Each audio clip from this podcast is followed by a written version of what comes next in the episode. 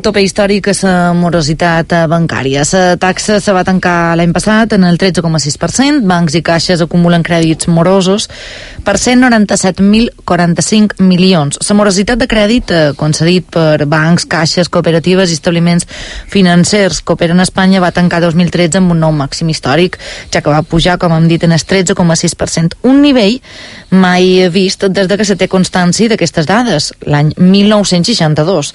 Segons informació provisional de desembre passat, eh, que ha publicat avui el Banc d'Espanya, el sistema financer espanyol acumulava en conjunt un volum de crèdits morosos de 197.045 milions d'euros enfront en els 192.480 milions registrats en novembre. Lluís, què és tot això? Bé, primer que no li donaria molta importància perquè són xifres que, que no me crec directament. Ah, molt bé. Ah, està bé. Uh... Jo que valia una traducció en sí, castellà. Sí, sí, sí. Mem, no m'ho crec per això precisament, per, perquè s'han de traduir ses, ses, ses conceptes, no? Te, te xerren de morositat i per ells considerar un crèdit morós pues, han de complir una certa, una, un, uns requisits que ells poden maquillar molt. Una refinanciació darrere hora, un, una quota segona quota no pagada no és morositat. És a dir, eh, està molt, molt maquillat. En, això, en global que mos diu que els bancs estan malament, això, això és vera i que els bancs estiguin malament a què mos afecta? Eh, a l'hora de, del crèdit no? de, de donar crèdits a pimes i a, i a, i a, i a persones autònoms, persones normals. Eh, aquest, aquest 13% que ells diuen que tenen de, de morositat, el, el problema és que ho han de, ho han de provisionar, és a dir, és com si no tinguessin aquest crèdit, com si no tinguessin aquest dobbers eh, a disposició de deixar-los, no? O sigui, ells, el banc com funciona? El banc té uns dobbers uh -huh. que els depositants li deixam i ells deixen aquest dobbers molt més Vale? No només aquest dot bes, sinó nou pics aquest dot bes. Nou vegades aquest sí. dot bes? Sí. Figura que no anirà tothom a cercar els dot bes en el banc en el mateix temps. Vale?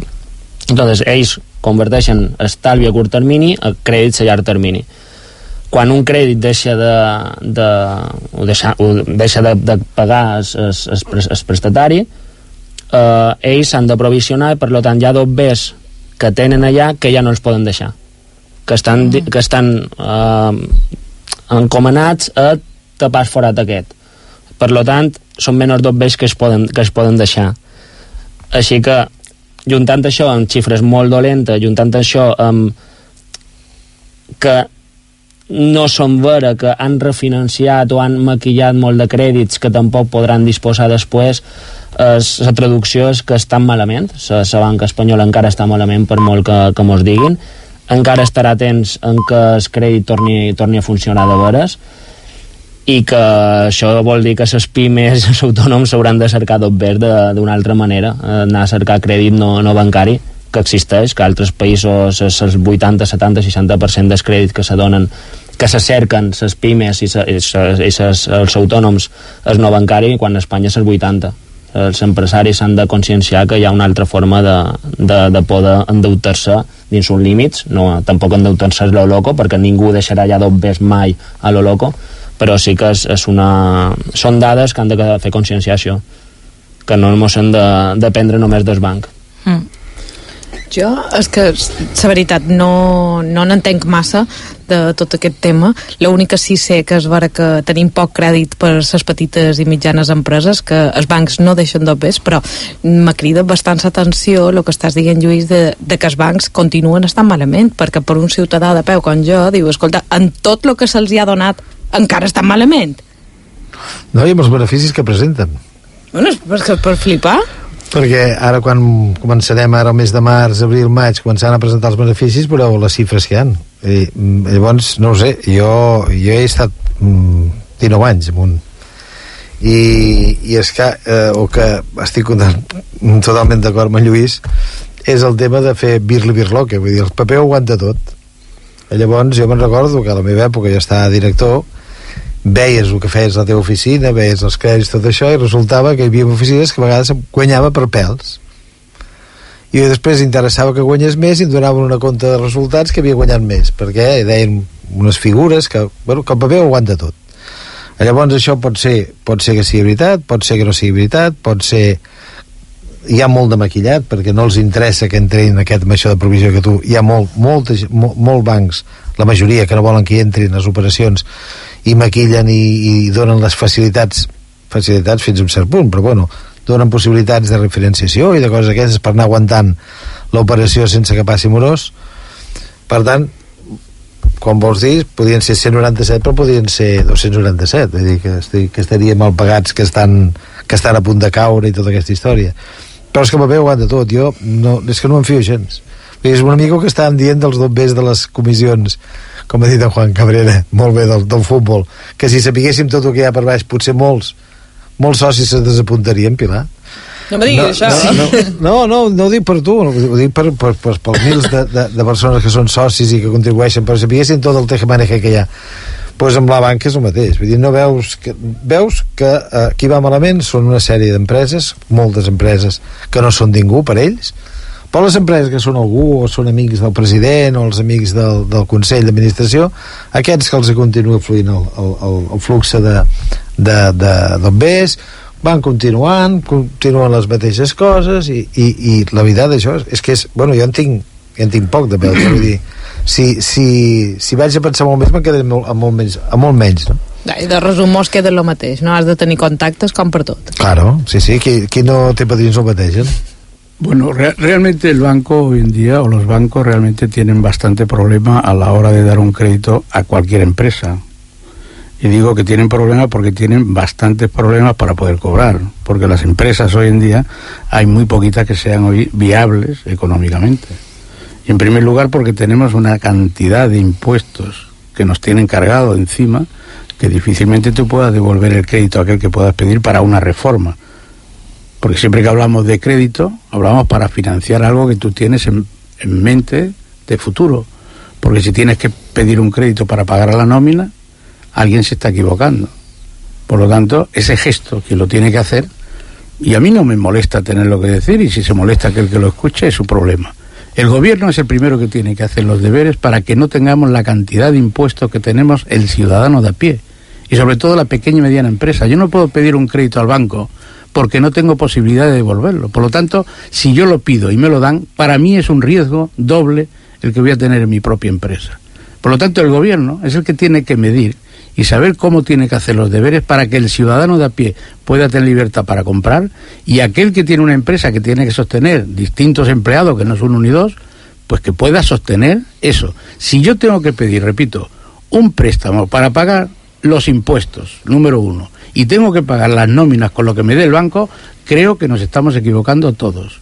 Y el gobierno, digo los gobiernos, son los que tienen que hacer los deberes para que este país pueda florecer. No son los bancos, son los gobiernos, tanto ayuntamientos como el gobierno central. No puede ser que el presidente de esta comunidad se una a tres comunidades que están los dos exactamente igual que el de aquí para pedir ayuda para salvar lo que de alguna manera es insalvable por él.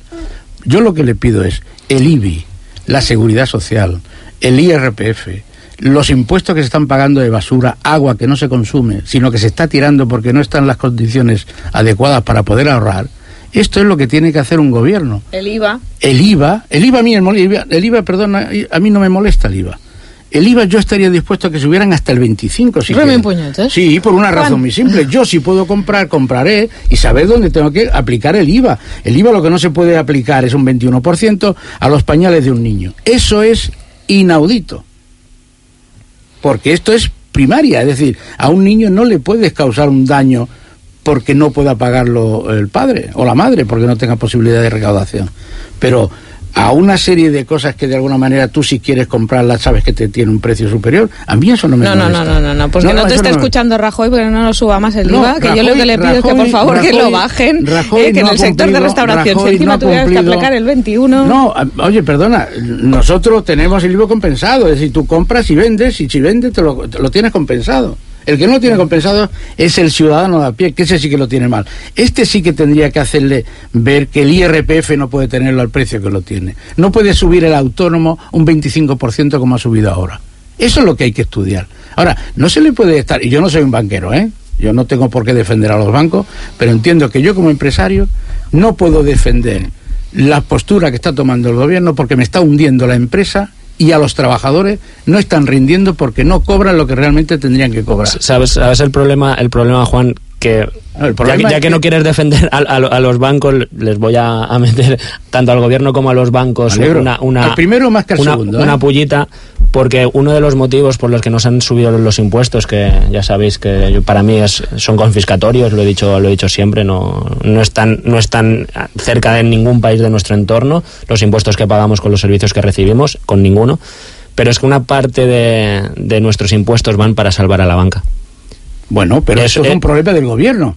No, Sí, sí, es un problema del gobierno, perdona. El gobierno es el que decide si le vamos a dar o no. Si yo tengo que presentar mañana una suspensión de pago, no puedo ir aquí al señor José Ramón Bauza a decirle, oye, préstame 3 millones de euros que si no hago una- un, un cierre. Me va a decir, pues cierra. Sí, puedes ir. Te Cierra. iba a decir exactamente lo Cierra. mismo. Si ir, puedes ir. Pues. Este es el error. Estás Es decir, ¿por qué tenemos que ayudar a la banca Ah, no, porque entonces lo si que, la banca trabaja con lo que realmente nosotros gestionamos? pero lo que Es te decir, están diciendo es que si la banca la dejan caer, cae el país detrás. Esta Claro, es su pero teoría. lo que Pero- pero hay caen- formas perdona. de rescatar a la banca y formas de rescatarla. Perdóname, los que Ojo. caen son los partidos políticos, porque sí, sí, es sí. verdad que les quitan las deudas que tienen contraídas de muchísimos años de los préstamos que le dan para hacer campañas publicitarias. Esto es lo que de alguna manera ellos benefician. Yo no le voy a pisar el rabo al delante porque me va a morder.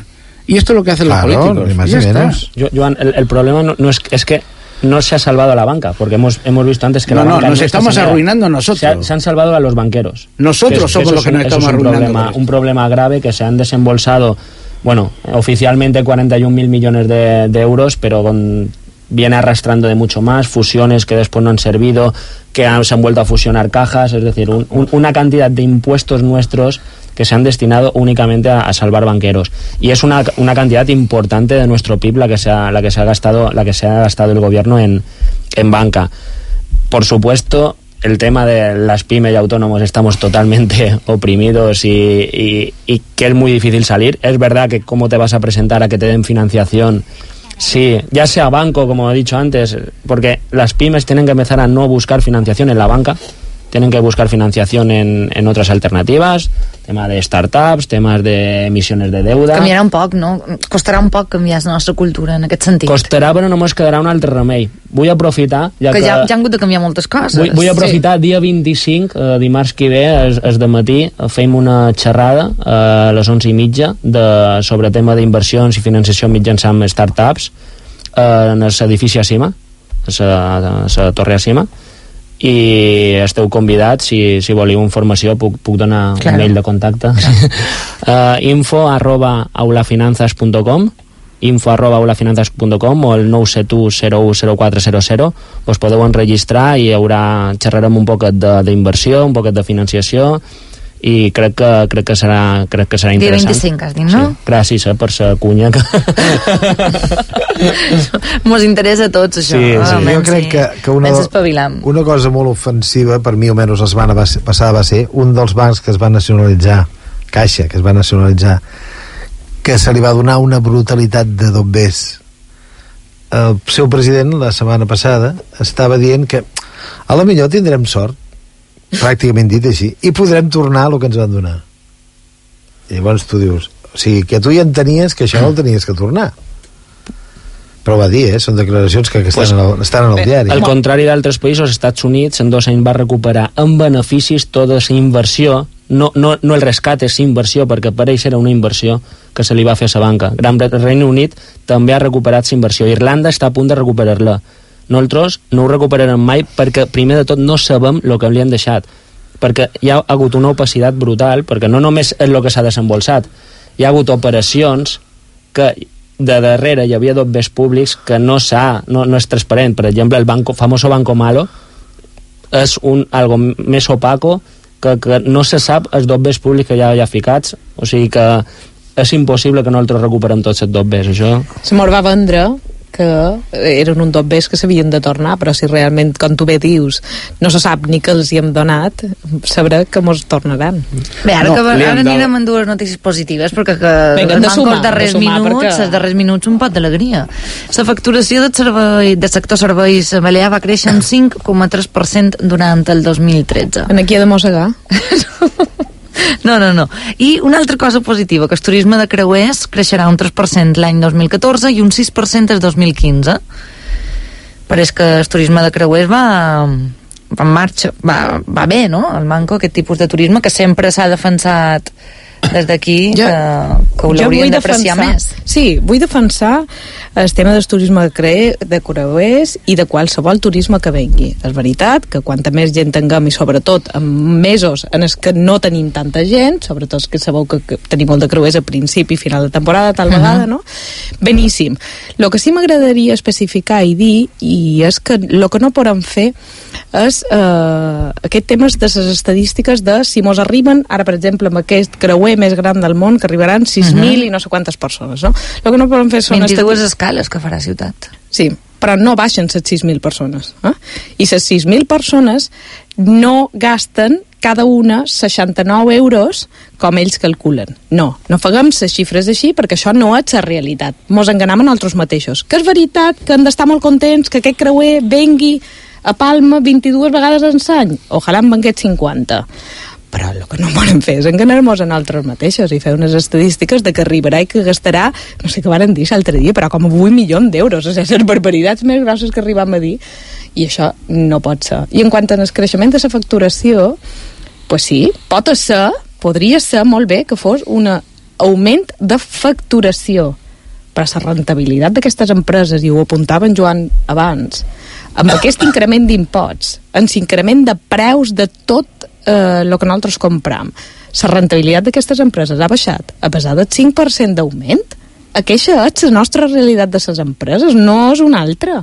Per tant, no estan guanyant tot bé. Per què tanquen les empreses? Pues perquè la rentabilitat no hi guanya, no tenen beneficis. Poden vendre més, però si tu no guanyes, això ja no és una empresa. Bé, i d'on he aconseguit uh, Animar la... la, animar, animar la tertúlia. La, la conclusió és que no mos creiem cap xifra de les que... No, no. cap ni una. La conclusió jo és que ja, ja estamos quemats, No eh? No mos antes que el res. papel lo admite todo. Sí, jo, aguanta tot el paper. El papel lo admite Eso todo. está bo. Y con una alegría se puede escribir encima de. Sí. No, no, no, no. Paso lo creerán, vermella, ¿no? ¿eh? Pero ya está dicho. Y nadie se pone rojo. Hombre, lo Mira, que sí es verdad que es importante que vengan estos tipos de cruceros porque gasten o no gasten, esto Sí, beneficia a lo que es la ciudad. No, i és Con un- imatge, con un- con un- coneix... con unas ventajas que no tenemos con estos 13 millones que se dicen también que vienen a Mallorca o a Baleares de turismo. Es decir, el que se apea de un crucero, coge un taxi, patea la ciudad, visita, este señor gasta dinero. Poco o mucho, pero gasta. El que no gasta es el que lleva la pulserita. O el que no viene, eh? està El clar. que, el que lleva la pulserita, este gasta muy poco y creo que se queda muy poco en Baleares. Creo que se queda muy poco. Se nos queda una cosa, la basura, el mal servicio, la mala, la mala publicidad que le hacemos. Esto sí que lo hacemos, porque si te fijas siempre los hoteleros están centrados en los cuatro o cinco meses de temporada. Y el resto parece que no existe ciudad ninguna. home, Jo ho he dit altres vegades, perdona, però jo crec que la millor notícia que podríem tenir d'aquests creuers, aquest i tots els altres que venen, seria que un 5%, per no posar-ne més, un 5% d'aquella gent que arriba amb un creuer Palma se quedàs amb tan bona impressió que volgués tornar. Jo crec que per nosaltres, com a ciutat, això seria la millor notícia. Bueno, si realmente, si realmente no va bien, el crucero es el primero que deja de venir. El turista eh, vendrá o no vendrá, o repetirá o no repetirá. La primera vez que viene, seguro que sí. Pero lo que es el, el propietario del crucero cuando hace su itinerario, si no ha ido bien, este no volverá. Esto lo tenemos clarísimo. Por lo tanto, hay que cuidar mucho la imagen. Molt bé, Pilar Carbonell, eh, Juan Cabrera, Lluís García Langa i Joan Arnaldo, com sempre un plaer.